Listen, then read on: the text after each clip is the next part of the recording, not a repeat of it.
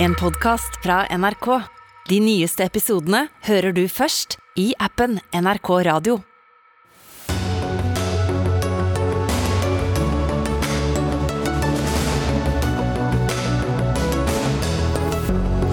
SV går inn i budsjettforhandlingene med krav om mye høyere skatter og avgifter. Virkelighetsfjernt, mener Høyre. Norske intensivavdelinger har sprengt kapasitet og for lite personell. Helseministeren, som i opposisjon krevde handling, setter ned en kommisjon som skal se på saken. Norge bruker milliarder på natur i andre land. Men hvorfor satser vi ikke på vern og restaurering av natur i Norge, spør miljøorganisasjonen Sabima. Og en fotballmamma etterlyser mer likestilling. Blir tøffe jenter på fotballbanen sett på som et problem? Det er et av mange spørsmål vi stiller i kveldens Dagsnytt 18 her på NRK1 og NRK P2. I studio Sigrid Solund. Akkurat nå gjenopptas budsjettforhandlingene mellom SV og regjeringspartiene Arbeiderpartiet og Senterpartiet. Tidligere i dag la SV fram sitt alternative budsjett, hvor partiet bl.a. går inn for å øke skattene med 23 milliarder kroner, noe vi snart skal diskutere. Men SV-leder Audun Lysbakken, for halvannen måned siden så gikk dere ut av sonderingene med disse to partiene fordi dere mente at dere ikke fikk nok gjennomslag. Er kravene dere møter dem med nå de samme som dem dere hadde da? Noen av de er jo det, men selvfølgelig tilpasset at det nå kun er ett års budsjett vi skal forhandle om. Men eh, vi eh, forlot jo forhandlingene på Hurdal fordi vi eh, ville stå fritt til å kunne ta opp igjen en del krav som er viktige for oss for å få ned ulikheten i makt og rikdom og for å få en tøffere klima- og miljøpolitikk. Eh, det var hele hensikten. Eh, at vi skulle kunne bruke nøkkelposisjonen vår i Stortinget til å få til mer enn det vi så vi kunne som juniorpartner i regjering. Eh, og det er det vi skal gjøre nå. Men hvorfor tror du at dere skal få gjennom noe nå som dere ikke fikk gjennom da? Nei, Ganske enkelt fordi regjeringen er avhengig av SV for flertall. Og det er rimelig at alle som er del av et flertall, også får sette sitt preg på politikken. Nå har Arbeiderpartiet og Senterpartiet fått gjort det gjennom tilleggsproposisjonen. Nå har vi våre krav, som må til hvis de skal få et flertall. Noen ganger så er det sånn at eh, det som kan være vanskelig å få til i veldig lukkede eh, forhandlingsrom, som minst i en regjering, kan være mulig å få til i eh, mer åpent lende på Stortinget. Og vi vet at det er betydelig folkelig støtte til veldig mye av det vi har lagt fram i dag, som handler om bedre velferd for de mange, mer rettferdig fordeling, og ikke minst i lys av det som har skjedd i Glasgow de siste dagene, en klimapolitikk som lever opp til det Norge har forpliktet seg til. Jeg sa vi skulle snakke om skatt. Dere øker inntektsskatten for alle som tjener over 600 000. Hvorfor ønsker dere at en industriarbeider eller sykepleier skal betale mer i skatt enn i dag? Altså, for det første så uh, foreslår vi jo lavere skatter for uh, alle med en inntekt under 600 000, som er det store flertall av lønnstakerne, bare så det er sagt. Uh, og så er vi klare på at vi går inn for tøffe skatteøkninger for de som tjener virkelig mye. De som ligger i det sjiktet du uh, nevner nå, vil få en skatteøkning i snitt på omtrent 500 kroner. De fleste av de vil gå i pluss med de velferdsøkningene vi uh, foreslår. gratis skolefritidsordning, en rekke andre viktige velferdstiltak. Så de som får regningen for vårt skatteopplegg, det er de med millioninntektene, det er de med de store kapitalinntektene, store formuene, store utbyttene. Og etter mange år med skattefest for de rikeste i Norge, etter en koronakrise hvor vanlige folk betalte prisen, mens eh, det har gått så det griner på toppen av det norske samfunnet, så er det jammen på tide at vi strammer livremmen litt til eh, de rikeste og mektigste i Norge. Nikolai Astrup, stortingsrepresentant for Høyre. Det er vel ikke så veldig sjokkerende at dere er imot skattesystemet til SV? Nei, det er det jo selvfølgelig ikke. Men jeg er spesielt bekymret nå. fordi det er jo som Lysbakken sier, vi må gjennom et grønt skifte. og Det innebærer en stor omstilling for norsk næringsliv. Og det innebærer at næringslivet må ha evne til å investere i ny teknologi, lavutslippsløsninger, mer effektive prosesser. Eh, og da må de også ha kapital til å gjøre det. Og Det eh, Lysbakken og partiet hans her foreslår, det er jo å øke skattene med nesten 30 milliarder kroner sammenlignet med Solberg-regjeringens eh, forslag. En betydelig økning og skjerpelse som går direkte på bedriftene, og som kommer til å ha særlig, være særlig krevende for de små og mellomstore bedriftene. Så dette kan forsinke det grønne skiftet og kan føre til mer røde tall i bedriftene, men også da gamble med norske arbeidsplasser, og det mener jeg er svært uheldig. Ja, for Det har ikke så mye med inntektsskatten å gjøre, men det er selskapsskatten og formuesskatten som dere også øker, da, Audun Lysbakken. Og utbytteskatten. Ja. Men, dette, sant? Altså, Høyre har jo øh, alltid vært mot at de som har mest, skal bidra mer. og Sånn sett har Høyre vært et interesseparti for de bedrestilte i Norge. Vi peker på det som er virkeligheten i Norge, nemlig at forskjellene i makt jo, Men Hvis du forholder deg til bedriftene, da, og hva de må betale, jo, hvilke betingelser de går i møte med deres opplegg? Vi går inn for her, er jo i veldig stor grad skatteøkninger på eierne i norsk næringsliv. Det er de rikeste i det norske samfunnet. De har blitt veldig mye rikere de siste årene. Den viktigste grunnen til at forskjellene i Norge øker, er at de rikeste drar ifra. Den samfunnsutviklingen vil ikke vi ha. Både fordi den ødelegger det fineste med Norge, som er små forskjeller og sterke fellesskap, men også fordi vi trenger pengene til ting som er viktigere. Det vil si øh, å få til en SFO-reform, tannhelsereform Men, men, men si, hvor, hvor er det Astrup tar feil i at bedriftenes økonomi blir dårligere med deres opplegg? Ja, altså for det første så uh, mener vi at det vi legger fram er uh, rettferdig. Rett og slett fordi de som eier mye i det norske samfunnet, har gjort det så bra de siste årene. De har fått så mye mer. sant? Så Det er jo en viktig diskusjon. Er det en utsatt gruppe som har hatt det vanskelig? Nei. Det er de som virkelig Så de har råd til det? Bedriftene har råd til det nå, mener du det? Eller? Ja, Det er jo i hovedsak eierne som mm. får uh, uh, sterke skatteøkninger fra vår side. Ja, de har råd til det, men også så trenger vi de pengene bl.a. til større direkte investeringer i utviklingen av norsk næringsliv. Og Det er den andre forskjellen mellom Høyre og SV. I tillegg til at vi har en aktiv fordelingspolitikk, har vi en mye mer aktiv næringspolitikk, der en viktig del av dette budsjettet er svære investeringer i norsk industri og næringsliv, for nettopp å få fart på de nye grønne oppgavene vi skal leve av i fremtiden. Nå har næringspolitikk aldri vært en paradegren for SV, og det blir det heller ikke med dette alternative budsjettet. og Det viser jo Audun Lysbakkens eh, kommentarer også nå med all tydelighet. Fordi ja, de aller rikeste de kan bære de skatteøkningene som Audun Lysbakken kommer med, men de som blir rammet av det, det er alle de små og mellomstore bedriftene, hvor eieren gjerne har alle pengene sine i den ene bedriften. Det er ingen tvil om at dette kommer til å gå utover det hele den ryggraden i norsk næringsliv, som er det vi her snakker om. Eh, som jo ikke er noe høymarginbusiness. Dette er lavmarginbusiness. Og så har du industrien som over natten fra 31.12 i år til 1.1. neste år da skal betale 50% økt CO2-avgift. Vi er også for å trappe opp CO2-avgiften, men vi må gjøre det i et tempo som gjør at bedriftene faktisk kan omstille seg, investere i nye prosesser, ny teknologi, nye måter å produsere på, slik at de kan være med på dette grønne skiftet. Og Vi får ikke noe grønt skifte uten at de 95% av bedriftene som er små og mellomstore, også kan være med. Dette Nei, har, vi fått, har vi fått et grønt skifte med deres opplegg de siste åtte årene? Årene? da? Ja, Utslippene har gått ned fem år på rad, og vi har lagt til rette for at eh, de utslippskuttene skal komme enda raskere i tiden fremover. Vi har lagt frem en klimaplan med store utslippsreduksjoner frem mot 2030, og også en klimalov som faktisk lovfester Norges klimamål inn mot 2050. Så ja, det har vi gjort, men det må gå raskere fremover. Det er vi helt enige om. Men, det, men ikke så raskt som Audun Lysbakken vil, vil at det skal gå? Han trekker inn nesten 30 milliarder kroner i egenkapital fra bedriftene, og så skal han opprette et statlig selskap.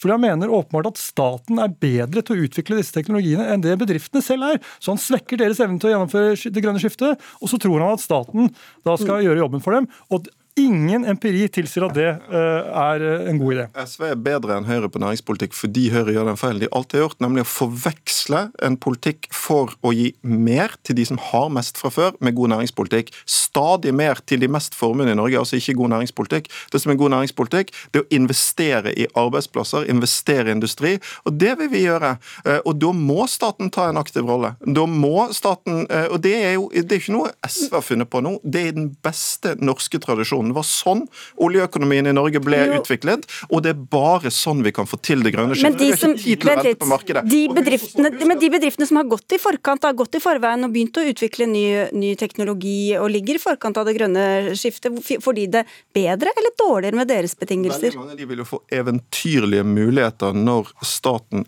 kommer uh, i gang med det vi vil, nemlig svære investeringer i, i nye grønne oppgaver. Uh, jo, men veldig mange, altså, Husk at veldig mange av de bedriftene som sitter på de grønne løsningene, de ber jo nettopp om dette. De ber f.eks. om at CO2-avgiften skal økes sånn at nullutslippsløsningene blir konkurransedyktige. De ber om at staten skal stille kapital til rådighet som gjør at det er mulig å ta større risiko for å utvikle grønn teknologi. Eh, og så, så er Det jo helt riktig sant, altså, det er helt riktig at vi går inn for store skatteøkninger for de som har mest. Grunnen til at det høres så stort ut, eh, er jo at de de siste årene har hatt voldsomme, unødvendige og usosiale skattekutt under høyreregjeringen til og med med vårt budsjett nå, så vil du ikke ta igjen alt det Nikolai Astrup har vært med på å senke skattenivået med. Og det kan jo ikke dokumenteres at det har hatt noen positiv effekt for norsk næringsliv. Det sliter de med hver gang de ja, blir utfordret. Denne debatten har vi hatt mange ganger. Men jeg må få lov å, å si, altså, eh, Det er ingen mangel på kapital akkurat nå. Eh, vi ser at eh, de grønne prosjektene de får finansiering, det er bra.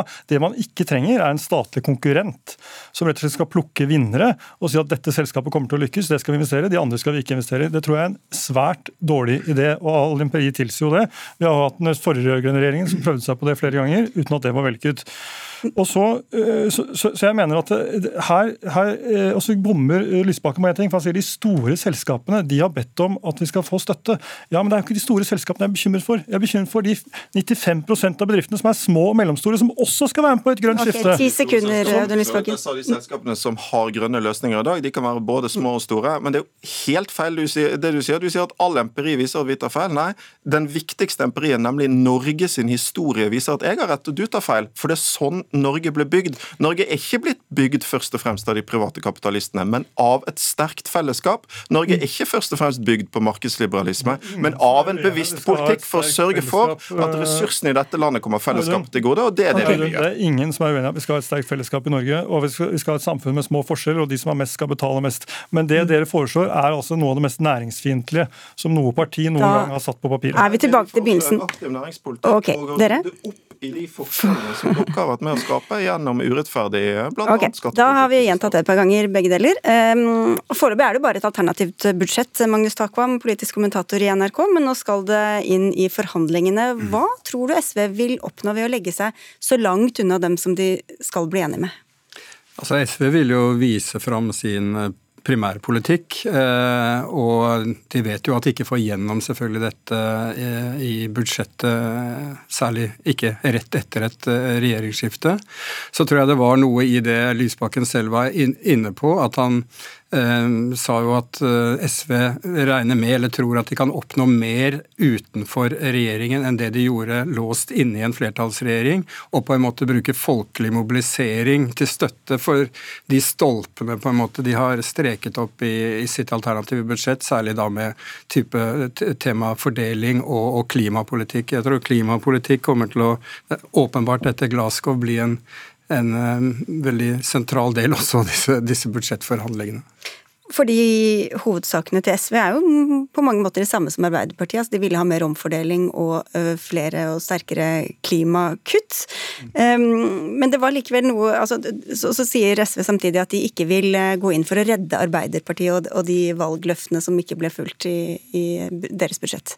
Ja, det var kanskje, i hvert fall for noen, litt eh, si, overraskende grep eller eh, erklæring fra, fra SV. At de ikke vil såkalt redde eh, Arbeiderpartiets valgløfter, som du, som du er inne på. Bl.a. dette med barnetillegg til uføretrygdede, eh, dagpenger for, for eh, permitterte eller arbeidsledige og brillestøtte osv. Det er ikke SVs jobb å redde Arbeiderpartiets svik, så å si.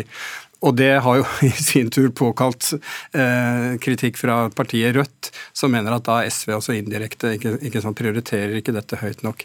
Men det er et, eh, skal vi si, et interessant si, utspill som markerer at den rød-grønne alliansen her er jo rett og slett ikke en harmonisk eh, allianse. Eh, og det, det er ikke uten grunn at det ikke ble grunnlag for en flertallsregjering på Hurdal. Men har det noen valg enn å bli enige til slutt? Nei, altså, De kommer til å bli enige. Eh, det vil jo være oppsiktsvekkende om SV bidrar til å skal si, kaste en eh, Arbeiderparti-ledet regjering etter en så tydelig valgseier, så det tror jeg ikke. Men det kan bli ganske tøffe forhandlinger. Og jeg tror, som jeg var inne på, at temaet om avgifter, miljøavgifter, Eh, med drivstoffpriser osv.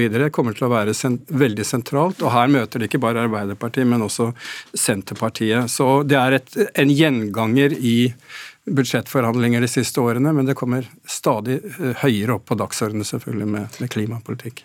Foreløpig er de bare så vidt uh, i gang. Vi får se hvor det ender. Takk skal dere ha alle tre. Audun Lysbakken, Nikolai Astrup og Magnus Takvam.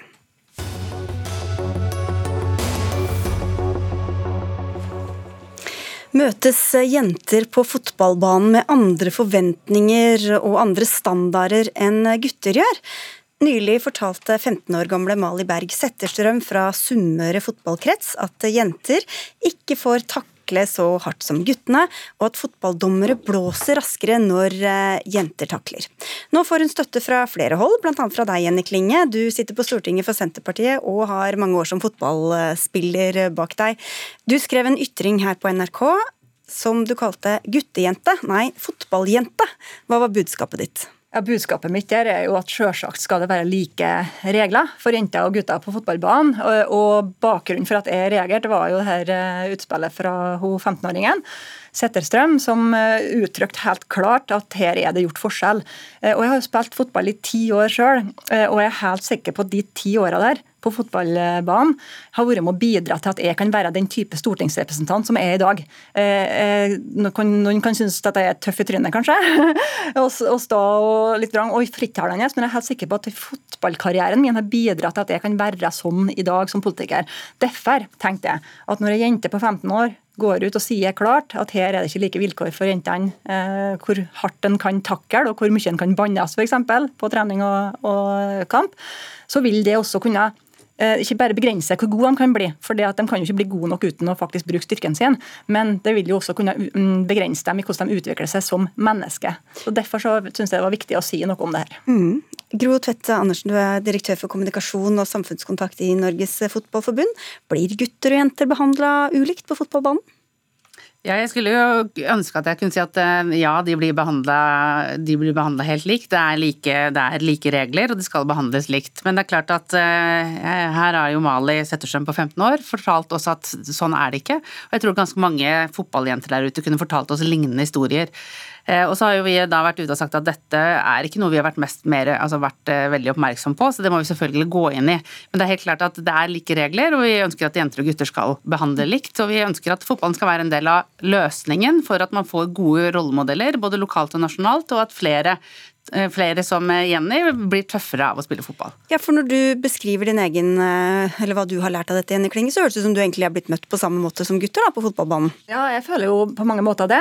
Så jeg tror ikke det er slik at alle jenter blir offer for det her. Men samtidig så er det slik at hvis de holdningene finnes en viss andel av dommerstanden og dem som trener, så vil jo det påvirke veldig, veldig mange jenter over tid. Og dessuten så skal ikke mer enn én kommentar til på at du er jente og du skal ikke banne så mye fordi du er jente. Det er nok med det for den ene personen til at det kan sette seg for for mange år. da. Gerd Stolsmo, du er tidligere toppspiller og også mor til eh, to veldig kjente fotballstjerner, Andrine og Ada Stolsmo Hegerberg. Og du skrev bl.a. Eh, boka 'Fotballmamma' om dette. Hva tror du om hvor dypt eh, denne forskjellsbehandlingen stikker? Jo, jeg tror at Malin sin problemstilling er bare toppen av isfjellet. Jeg tror at holdningene som er altfor gjeldende. Det går på det med den trange jenterollen. Og nå er det jo 10-12 år siden Andrine og Ada var 15 år, men eh, jeg kan ikke liksom se at den jenterollen er så utrolig forandra fra, fra, den tida de vokste opp i fotballen. og eh, og Det viser jo Mali som står fram, og nå den gangen her med dommere. Men vi hører jo alle historiene om eh, dårlige treningstider, blir avspist med ja, ikke god nok kvalitet på trenere.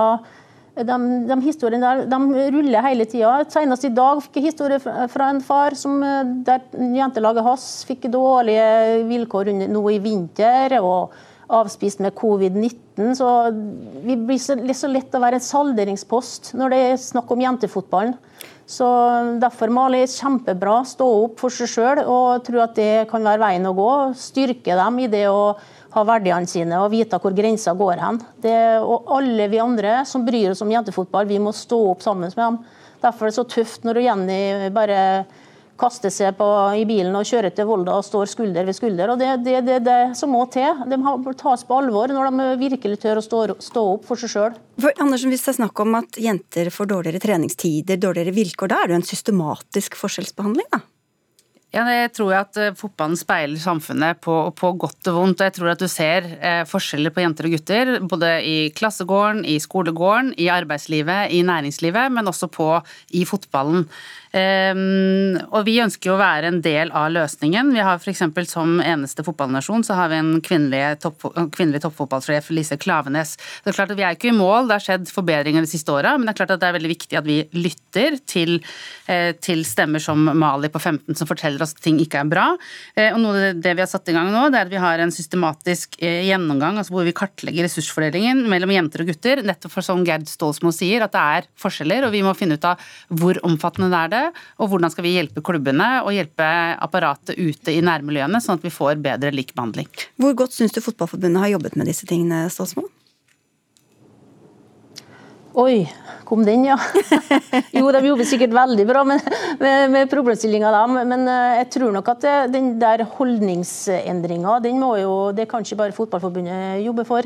Den må vi ta tak i, alle som er berørt. Og tore å stå opp for jentene våre til enhver tid. Selvfølgelig, det, For mange er det veldig risikabelt å gjøre det, for det kan bli ja, kappa hodet av og kanskje få represalier. Men det er ikke noen annen måte å gjøre det på. Så alle må vi banke ned den, de dårlige holdningene som er i forhold til at jentene, jentene er en salderingspost. Ja, men Anders, Du sa at fotballen speiler samfunnet, men hvorfor skal man speile i stedet for å gå foran og vise vei eh, til andre holdninger da, enn den vi ser mange andre steder? Ja, Vi ønsker helt klart å være en del av løsningen og gå foran. og Det her handler om systematisk jobbing egentlig på alle nivåer. Det handler om fra topp til, eh, topp til bredde ut i klubbene. og Derfor er det så viktig at vi rekrutterer flere kvinnelige trenere, men også inn i klubb, klubber som, som daglige dagligledere, som sportslige ledere, sånn at du får, en, eh, får, eh, får inn flere, flere, kvinnelige stemmer, eh, og som kan bidra til at man får en bedre likebehandling. Klinge. Eh, det som er så interessant med fotballen, det er jo hvor mange som er glad i fotball, og hvor mange som spiller fotball.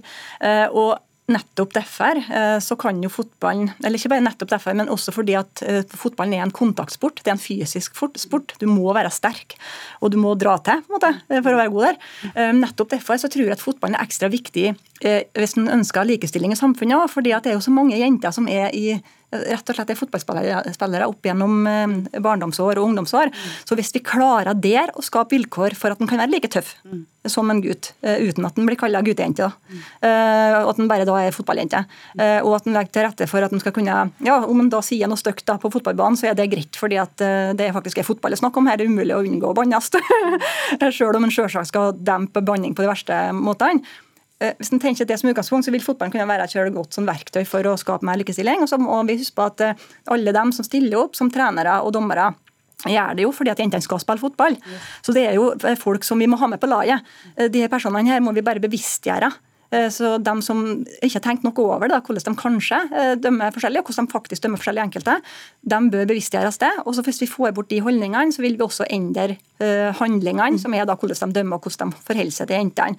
Og endre på det, og da vil det være positivt. Men samtidig, selv om det har blitt um, en utvikling de siste årene, Andersen, så du, er det jo fortsatt mest interesse og mest penger også i herrefotball. Hvordan gjenspeiler det deres prioriteringer også nedover i systemet? Nei, Vi jobber jo for å øke interessen for, eh, for fotball for alle, eh, også for jenter. Nå til sommeren så er det EM. Eh, for, for, kvinner. Og da er vi opptatt av hvordan kan vi bruke det mesterskapet til å øke interessen, ikke bare for landslaget, men for hele norsk fotball. Både for de som er eh, voksne spillere, men også de som er, er eh, breddespillere. Så er jo også fotballen det er Norges største idrett for jenter. Så det å ha de tøffe forbildene som våger å gå foran, og som er de gode forbildene, forbildene er viktig. Og så er ikke dette en quick fix. Det tar tid å endre holdninger, det tar tid å endre kultur, og det skjer veldig mye, heldigvis. Og det er veldig mange klubber som går foran. Jeg vil bare nevne ett eksempel. I forrige uke så var jeg i Greihallen, som er en, en eh, hall i Groruddalen, på Groruddalen i Oslo. Eh, der var det fire garderober som var åpna nå. Der var det, og de var, de var navna etter fire fotballspillere. To damer og to menn. Så det viser jo at det fins gode holdninger der ute. Og så handler det bare om at vi må fortsatt jobbe, for vi er ikke i mål. Du skriver om motkrefter helt til slutt her, Stolsmo. Hva skal til for å motvirke de motkreftene du beskriver? Um, uh, Dama fra NFF sier at uh, vi må øke interessen. Ja, Hvordan skal den øke interessen? Jo, da må du få et bedre produkt som gjør at folk vil se enda mer på kamper. for det er jo der der vi liksom måler hva stor interesse det er, og det som skal gi penger, sponsorinntekter og alt. Men hvordan skal vi komme dit uten å tilføre penger i, for å øke mm, kvaliteten? Det, det, er jo en evig ond spiral, for det er jo ikke nok penger i jente- og damefotballen til å få en kvalitet som gjør at interessen øker, som igjen genererer penger til at de skal være selvgående. Ergo må det tilføres noen penger som kanskje finnes på en annen side. På herresida er jo ja, flust med penger, tror jeg, hvis det bare er interesse av å um, fordele det litt, sånn at eh, damefotball kunne komme opp på et visst nivå en gang for alle. For vi vet jo at det er utrolig dårlig kår for dem som skal leve av idretten, blant okay. annet. Og skal Andersen få svare veldig kort på det? Som ikke lever av det, så er jo Ja. Nei, jeg, jeg, tror bare mente at, jeg, at, vi vil selvfølgelig være en del av løsningen. Og her peker Stoltenberg på en veldig stor utfordring som handler om de store forskjellene på økonomi i herrefotballen og damefotballen. Eh, men heldigvis så er det også ting som eh, tyder på at det går, eh, at det blir mer penger i, i damefotballen. Så får vi bare håpe at det også øker i tida som kommer. Vi får se. Takk skal dere ha alle tre. Jenny Klinge fra Senterpartiet, Gro Tvedt Andersen fra NFF og Gerd Stolsmo, som altså er tidligere toppspiller og mamma til to andre fotballstjerner.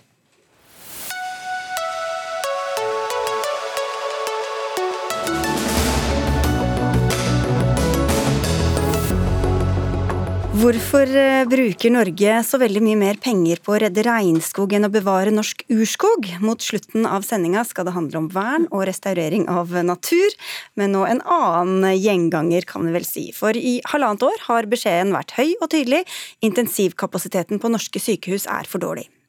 Men varslene om kapasitetsmangler kom mange år i forkant av koronapandemien. Norsk Sykepleierforbund har slått alarm om mangel på intensivsykepleiere i to tiår. Riksrevisjonen varslet i 2019. I ettermiddag kom beskjeden om at St. Olavs hospital utsetter alle planlagte operasjoner som krever innleggelse, og som kan vente. Nå har regjeringen satt ned en kommisjon for å se på sakskomplekset. Men vi trenger ikke utredning, vi trenger handling, sier du Anne Karin Rime, du er president i Legeforeningen til Dagbladet i dag. Hvorfor haster det så fælt nå? Eh, du har jo sagt det nå at vi har eh, utreda det her i lang tid, eh, og vi trenger nye intensivplasser nå. Vi trengte det før pandemien, så vi mener ikke at vi skal ha en intensivavdeling som kan ta en hel pandemi. Men vi, også før pandemien måtte vi avlyse nesten daglige operasjoner fordi det var fullt på intensivavdelingene.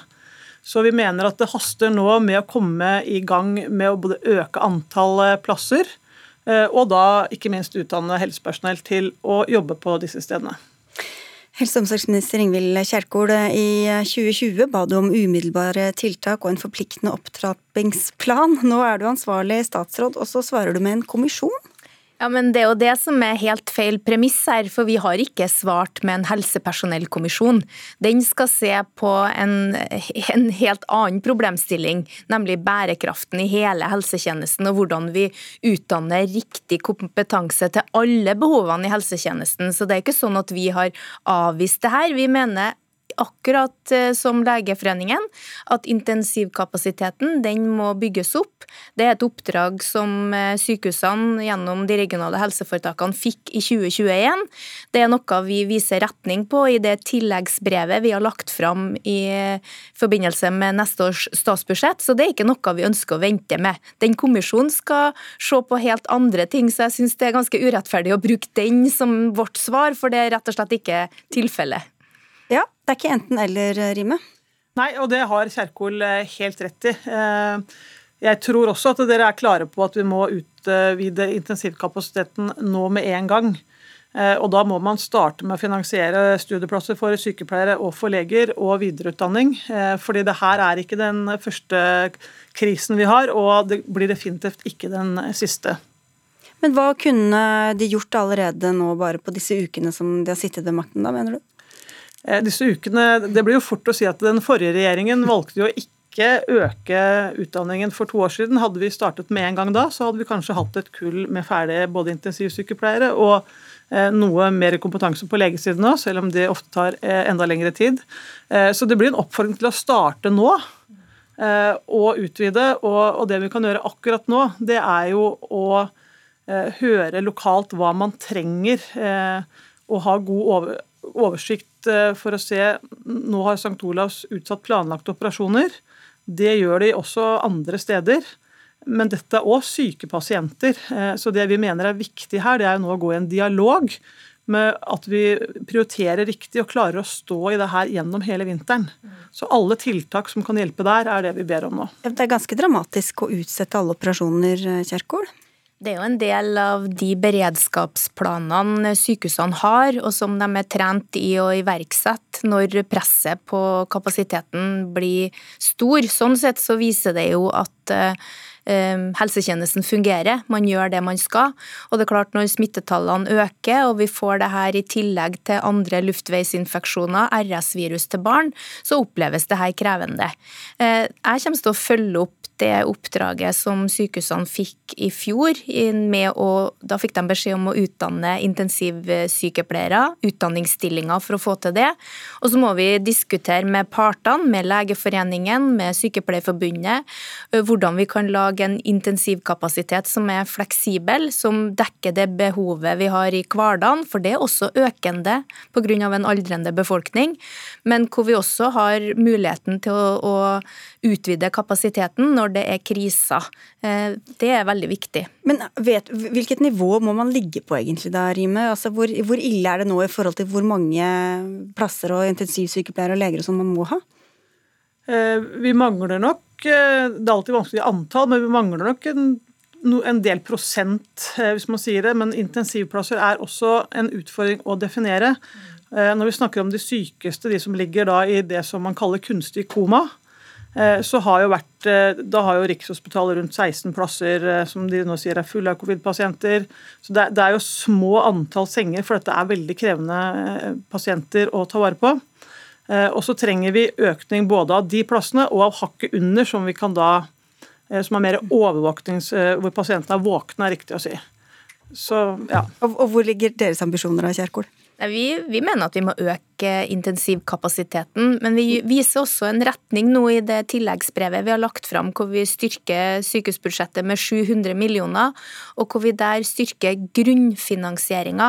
For dette er jo type basis beredskapsfunksjoner sykehusene bør ha, så vi vil også se på måten vi finansierer intensiv- og infeksjonspostene på sykehus, sånn at vi har god beredskap og dimensjonerer dette tilbudet tilbudet riktig. Men det må være fleksibelt, mulighet for å skalere opp når det er kriser, og dekke det behovet vi har eh, som følge av bl.a. at vi blir flere eldre og flere som, som blir alvorlig syke. Og den kommisjonen, når skal den være i havn? Ja, Den er ikke satt ned ennå. og De skal jobbe mye mer eh, og bredere enn bare det å løse kompetansebehovet for intensivplassene på sykehusene. De skal se på alt, også kommunehelsetjenesten. Så vil gjerne komme tilbake i ei sending og fortelle om den. Det skal du få lov til, og dere har sikkert masse innspill i mellomtiden ja, ja, fra Legeforeningen. Ja.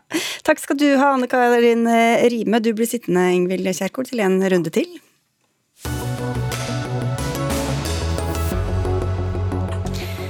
Flere og flere norske kvinner blir gravide med fostre som har Downs syndrom. Antagelig vil enda flere få beskjeden i årene som kommer, når tilbudet om tidlig ultralyd og fosterdiagnostikk skal utvides.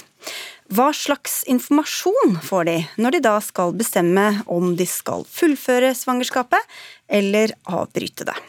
Den forrige regjeringen ønsket å gi gravide kvinner det den mente var et mer nyansert bilde av hvordan det er å leve med syndromet for barnet selv og de andre i familien. Den nye regjeringen trekker støtten til ordningen. Hvorfor skal vi høre snart, men Randi Ødegaard, du er leder for Norsk nettverk for Downs syndrom. Hvorfor mener dere det er behov for et sånt system? Ja, behovet ser vi jo hver eneste dag, egentlig. Våre organisasjoner i hele landet får kontakt med gravide, eller de blir tatt kontakt med gravide, som eh, etterspør den støtten som det er å snakke med noen som har stått i den situasjonen du sjøl står i.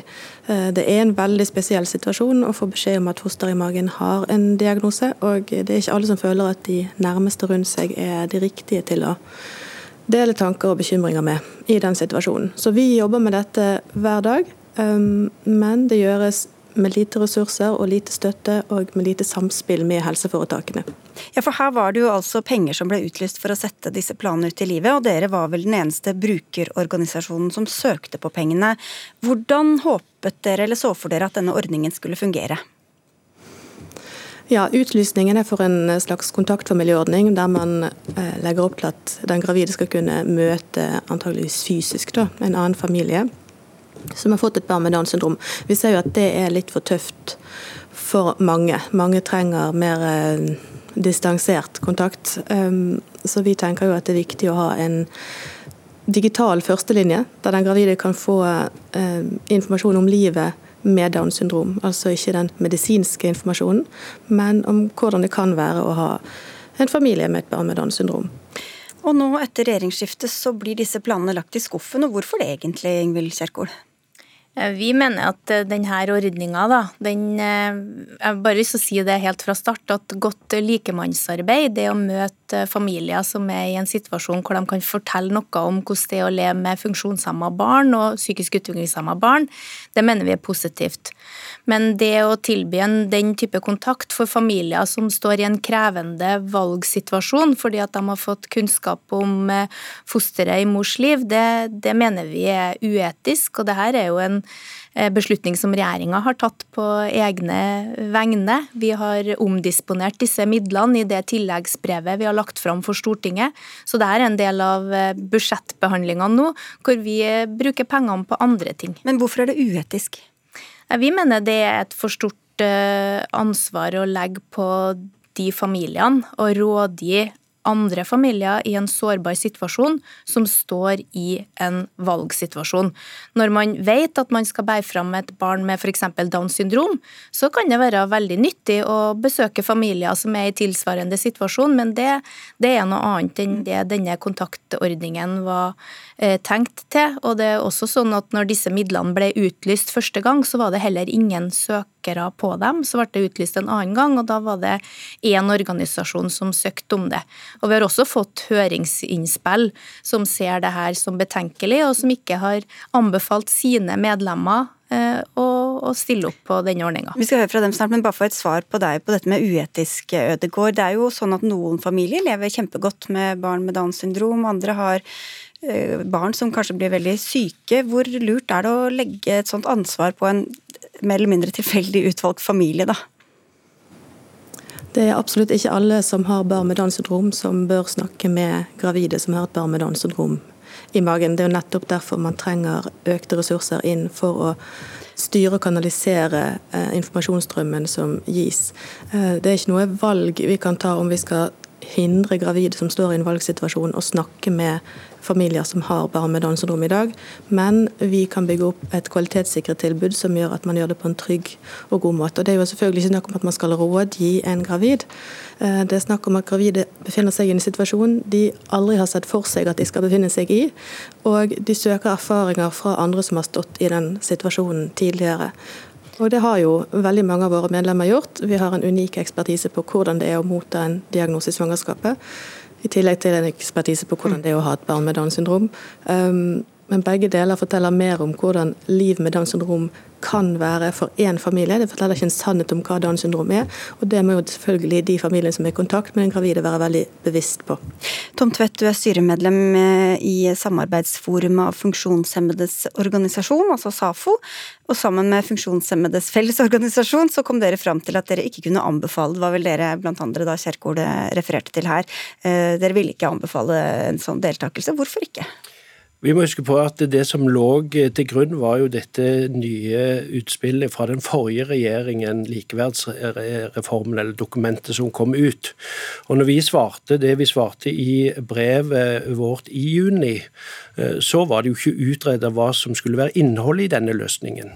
Og når vi svarte at vi anbefalte våre medlemmer, eh, så var det ut ifra det etiske spørsmålet som våre medlemmer kunne bli satt i, som Kjerkol her sier, at du kan komme i vanskelige situasjoner.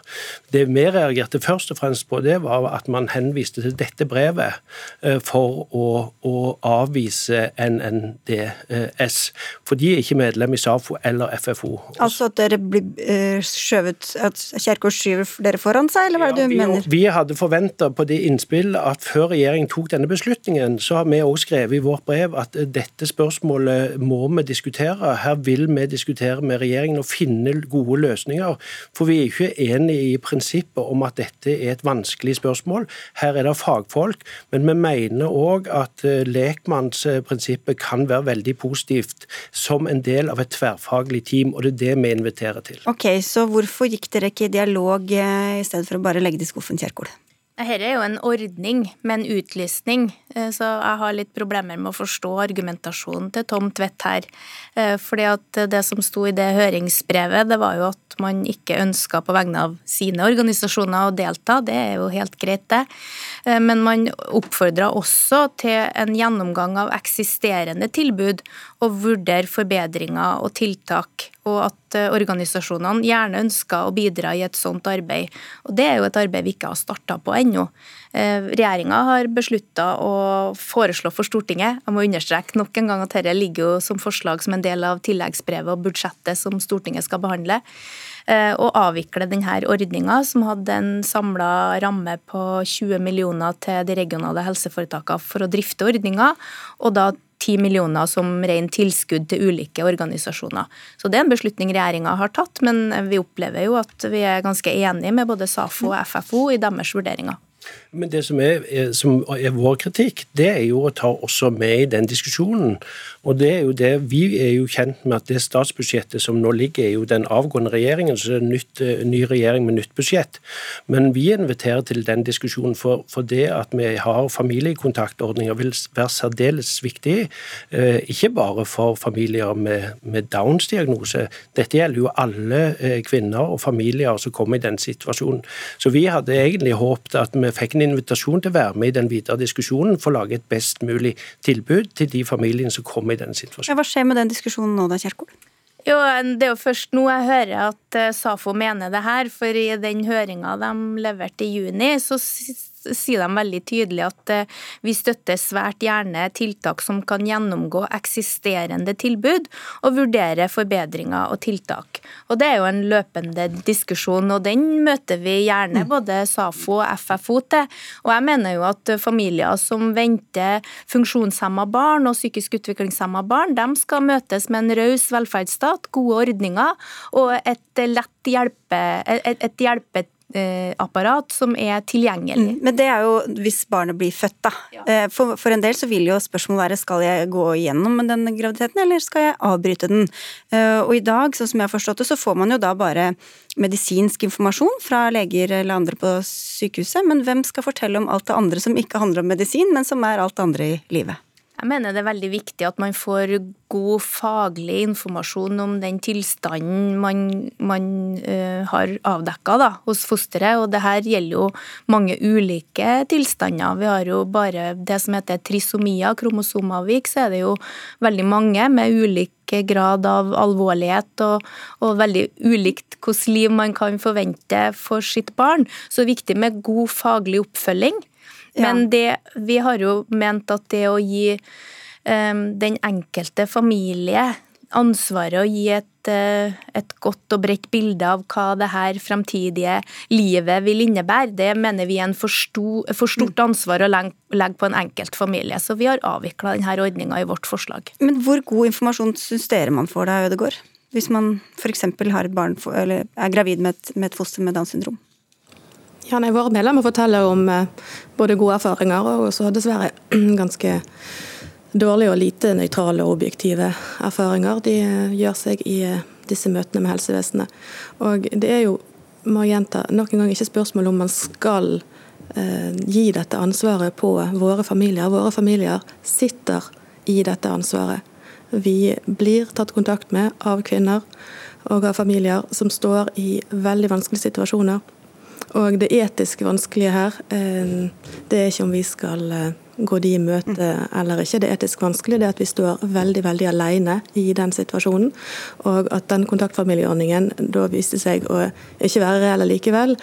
Um, gjør jo at den bølgen som kommer mot oss nå av enda flere kvinner som står i disse vanskelige situasjonene og som trenger den type støtte som vi på en måte er de eneste som kan gi dem, det blir enda mer uhåndterlig. Tom Tvedt, det høres ut som dere kanskje formulerte dere litt utydelig da, i dette brevet til Kjerkol, eller jeg vet ikke, du er kanskje uenig i det, men hva håper du av, av eh, diskusjon framover da, for disse, alle de det gjelder her? Nei, Jeg mener vi har formulert oss veldig bra. fordi at Jeg kan lese siste delen av setningen som Kjerkol her leste. og Der står det at vi vil gjerne bidra til et slikt arbeid. og Det er jo òg vår invitasjon til å si at vi ser at dette er en mulighet. Det skjer mange de, de, samtaler med familier som, som ikke er systematisk, men som er familier til folk som har det vanskelig. og Det er vår invitasjon. Vi har forventa og håper at vi kommer den den diskusjonen. Okay. Ja, det, det, ja, og det understreker jo at det var til eksisterende tilbud. Så okay. det ønsker vi en annen gang av. Alt kan skje. Takk skal dere ha, i hvert fall alle tre. Randi Ødegaard fra Norsk nettverk for Downs syndrom, helse- og omsorgsminister Ingvild Kjerkol og Tom Tvedt fra Samarbeidsforumet for funksjons av funksjonshemmedes organisasjoner.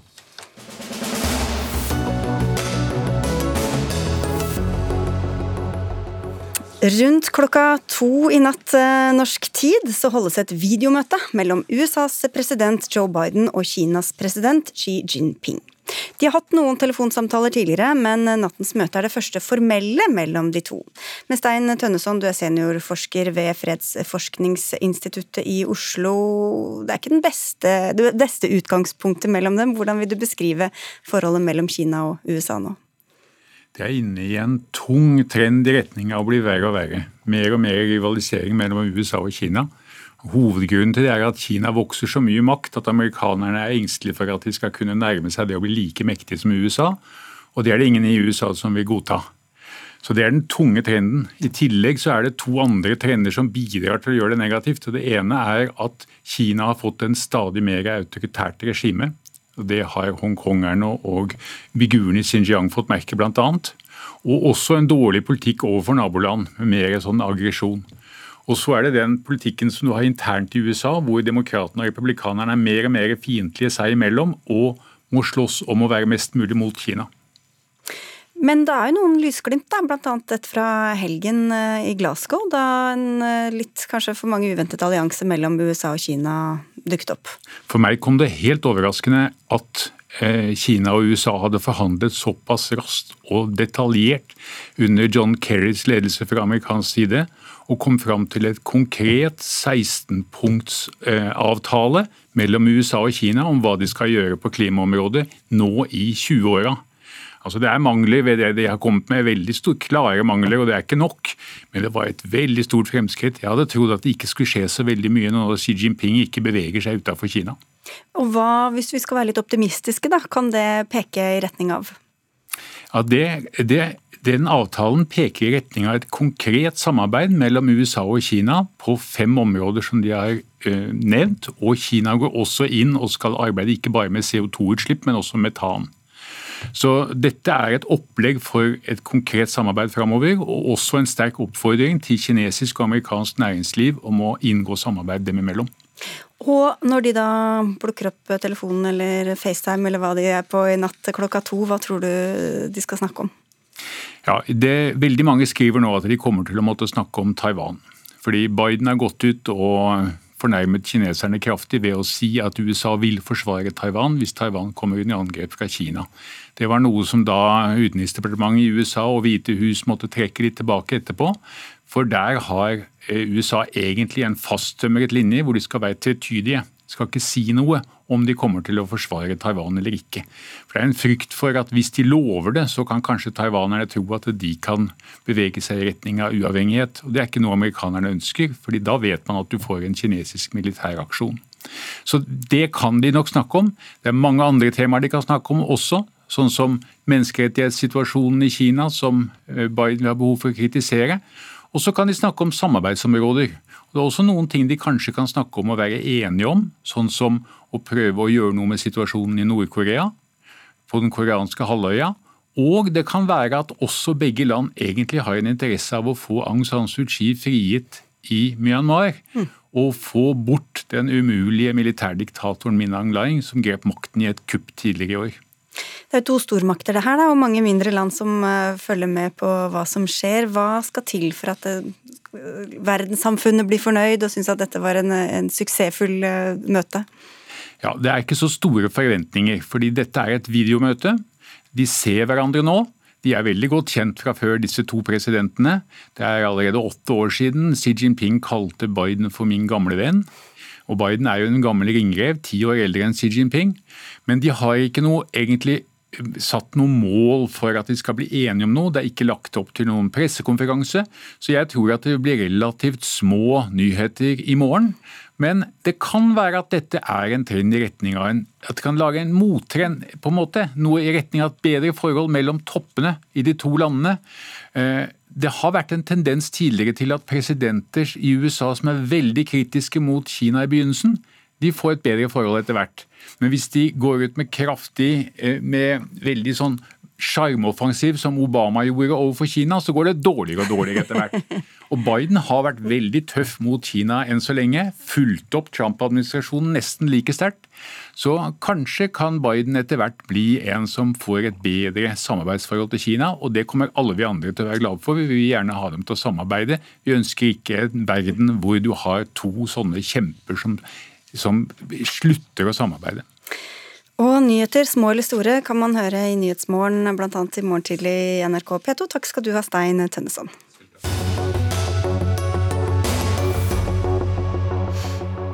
For å bekjempe, bekjempe, klimakrise og naturkrise må vi både ta vare på og restaurere natur. Og under klimatoppmøtet i Glasgow var naturbaserte løsninger et av de viktigste temaer. I mange år har Norge brukt eh, milliarder på å reparere natur i utlandet. Beløpet her hjemme er langt lavere. Ifølge Aftenposten brukte vi 3,1 milliarder på bevaring av tropisk skog og myr i fjor, mens bare 450 millioner gikk til vern av norsk skog. Neste år blir bare 315 millioner satt av til skogvern. Det er penger det også, Christian Steele, du er generalsekretær i miljøorganisasjonen Sabima, men hvor mye vern får man for drøyt 300 millioner? Vi får vel eh, litt snaut 0,1 prosentpoeng eh, av skogen vår verna. Og Det betyr at det går altfor langsomt når Stortinget har vedtatt at vi skal verne 10 eh, Jeg har lyst til å si at Det er veldig flott at Norge satser på vern i andre land, og, og hjelper land som trenger det. Eh, og miljøminister Barth Eide har gjort en formidabel innsats i Glasgow. Men vi må også gjøre lekser her hjemme. Altså Hvis vi hjelper gamle damer over gata, men ikke besøker vår egen mor, så får man ikke speiderprisen. Vi må faktisk også vise at det går an å bevare skog her. Eh, andre land har også lyst til å utvikle sitt næringsliv, men vi er nødt til å verne eh, en del skog og annen natur. Men forklar, vern er jo lett å forstå, restaurering er kanskje litt vanskeligere. Du er biolog også, Kristian Stil. Hvordan restaurerer man natur, og hvorfor er det så viktig? Jo, altså Vi har eh, ødelagt og forringa ganske mye natur. F.eks. en skog som har vært flatehogd, mister veldig mye av det opprinnelige mangfoldet sitt og de strukturene som gjør at vi har et skogøkosystem, og ikke bare en masse trær som står på, på rekke eller er mer eller mindre like gamle. Da forsvinner veldig mye av mangfoldet. Så En måte å restaurere skog på er f.eks. å legge om skogbruket til det vi kaller fleralderskogbruk. Hvor du får en variasjon i treslagssammensetning og alder, og man får tilbake mer av mangfoldet. Og Den type skog eh, er verdifull både for å bevare artene som finnes der, men også for klimaet. Fordi man tar bedre vare på karbondager i jord f.eks. når man har den type skog istedenfor flatehogd skog. For det er mye som bindes under jorda? Ja. Veldig mye av karbonene i våre skoger de, det ligger i bakken og ikke i trærne. Eh, og Derfor er det veldig lønnsomt å gjøre. Eh, restaurering av natur, sier Det internasjonale naturpanelet, eh, får vi igjen ti ganger investeringen. Så dette er veldig lønnsomt, også en veldig smart klimaløsning. Alexander Øren Heen fra Senterpartiet, du er statssekretær i Klima- og miljødepartementet. For å følge opp bildet her, da. Vi hjelper gamle damer over gata, men hvor blir det av besøket hos vår egen mor? Nei, Jeg tror vi må rydde litt i debatten, fordi at uh, vi snakker om flere ulike ting. Det ene er vern av skog, det såkalte frivillige skogvernet, som er ett element. Der ligger det helt riktig et uh, kutt, det kan vi gjerne diskutere òg. Uh, men så er det jo òg det med restaurering av natur, og der har jo det versert ulike tall. Jeg har sjekka i dag, og Samla sett så bruker vi 518 millioner i det forslaget som ligger til statsbudsjett nå, på ulike restaureringstiltak. Det gjelder både skog, det gjelder myr, det gjelder sjø, det gjelder kalking av vann og en rekke andre eh, tiltak som er viktig for å øke kvaliteten på den naturen vi har. Så det, det er et litt mer sammensett bilde enn kanskje den kritikken som er kommet, gir uttrykk for. Og de tallene som Aftenposten har, har brukt. Så, så, er nok det samla beløpet høyere. Jo, men vi skal, Stortinget har bestemt at 15% i hvert fall av ødelagt og forringet natur skal restaureres innen 2025. Hvor langt er vi på vei nå da med dette budsjettet? Nei, Vi er ikke så veldig langt på vei. Eh, men det som mangler eh, for å følge opp det stortingsvedtaket, er jo at en må ha kunnskap om hvordan natur skal vi prioritere først. Eh, hva er statusen på de ulike naturtypene når det gjelder altså, Eh, hvor mye de er forringa. Dere skulle gjerne gitt mer penger, men dere aner ikke hvor dere skal Nei, bruke det? Det kartleggingsarbeidet er faktisk ikke ferdig, og det er litt, eh, litt eh, voldsomt å skylde dagens regjering for at ikke en har kommet lenger på det. Dette ble vedtatt i 2016, og en er fortsatt ikke ferdig. En har fått kartlegging på noen naturtyper, men ikke alle. Så det grunnlaget må vi ha før vi kan si når vi er klar og hvilke prioriteringer som er rett. Jeg kan være enig i at det er forrige regjering som burde ha utredet dette. Stortinget vedtok det som du sier i 2016, men dagens regjering har sittet på Stortinget. og jeg forundra over at ikke da man har etterspurt i større grad hvordan går det med dette målet. Vi skulle altså restaurere 15% innen 2025, nå er vi halvveis. Og Hvis det er riktig som du sier, det er i så fall første gang vi har fått det tallet på bordet, hvor mye som brukes på restaurering av natur, så vil det fortsatt ta 100 eh, år å nå det målet, ikke fem som vi eh, nå eh, Nå er det vel fire år igjen. Fire år, ja. Eh, og Det betyr at vi ikke gjør den jobben som skal gjøres, og det betyr også at vi taper masse penger. Fordi ødelagt natur er en stor kostnad for samfunnet. og Hadde vi investert i å restaurere natur, så ville vi fått igjen den investeringen mange ganger. Men det er jo ikke bare slik at det er de offentlige midlene som skal brukes på det å heve kvaliteten på norsk natur. Eh, mye er jo knytta til forurensning. Der har vi et forurenser betaler-prinsipp. Det gjelder både på den forurensning som pågår, men det gjelder òg opprydding av tidligere forurensning. Og det, her ligger jo veldig mye av de tiltakene. Masse ligger på kommunene, eh, som er eh, ansvarlig for avløpsutslipp og den type ting. Så det er jo et større spleiselag. Nå snakker vi om de statlige midlene, og en kan ikke si at det er, med, det er kun den løyvingen som skal danne grunnlag for den tidslinja. Her er det mange andre som bidrar inn i dette arbeidet for å nå det målet. Hvor, hvor eh, effektivt er det, Stil, å f.eks. restaurere en myr både klimamessig og naturmessig. Og Det er veldig effektivt. Altså Norske myrer inneholder eh, karbon tilsvarende 66 år med de samla utslippene fra hele Norge. Eh, og så har vi samtidig ødelagt et sted mellom en tredjedel og halvparten av myrene våre. Og det er beregna at ca. 10% av klimagassutslippene våre kommer fra ødelagt myr.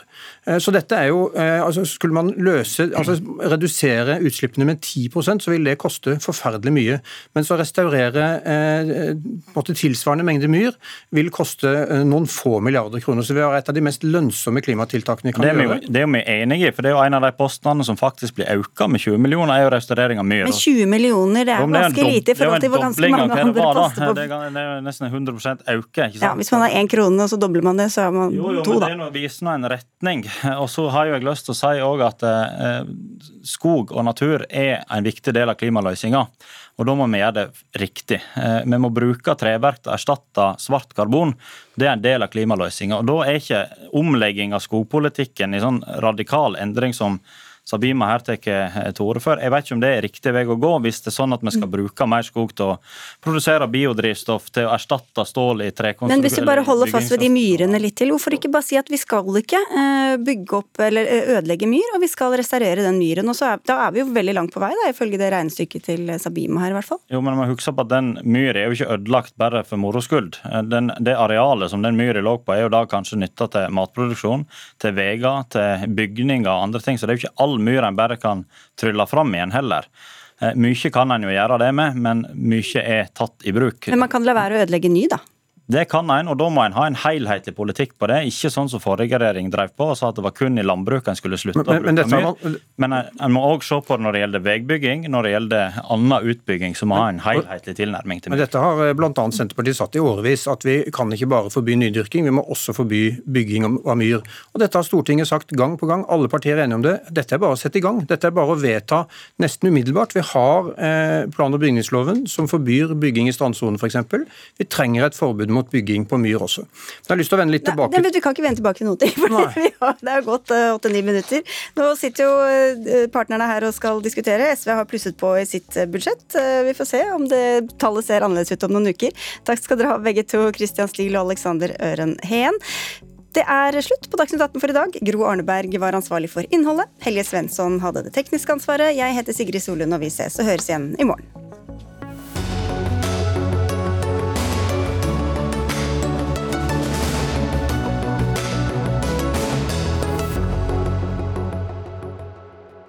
Du har hørt en podkast fra NRK.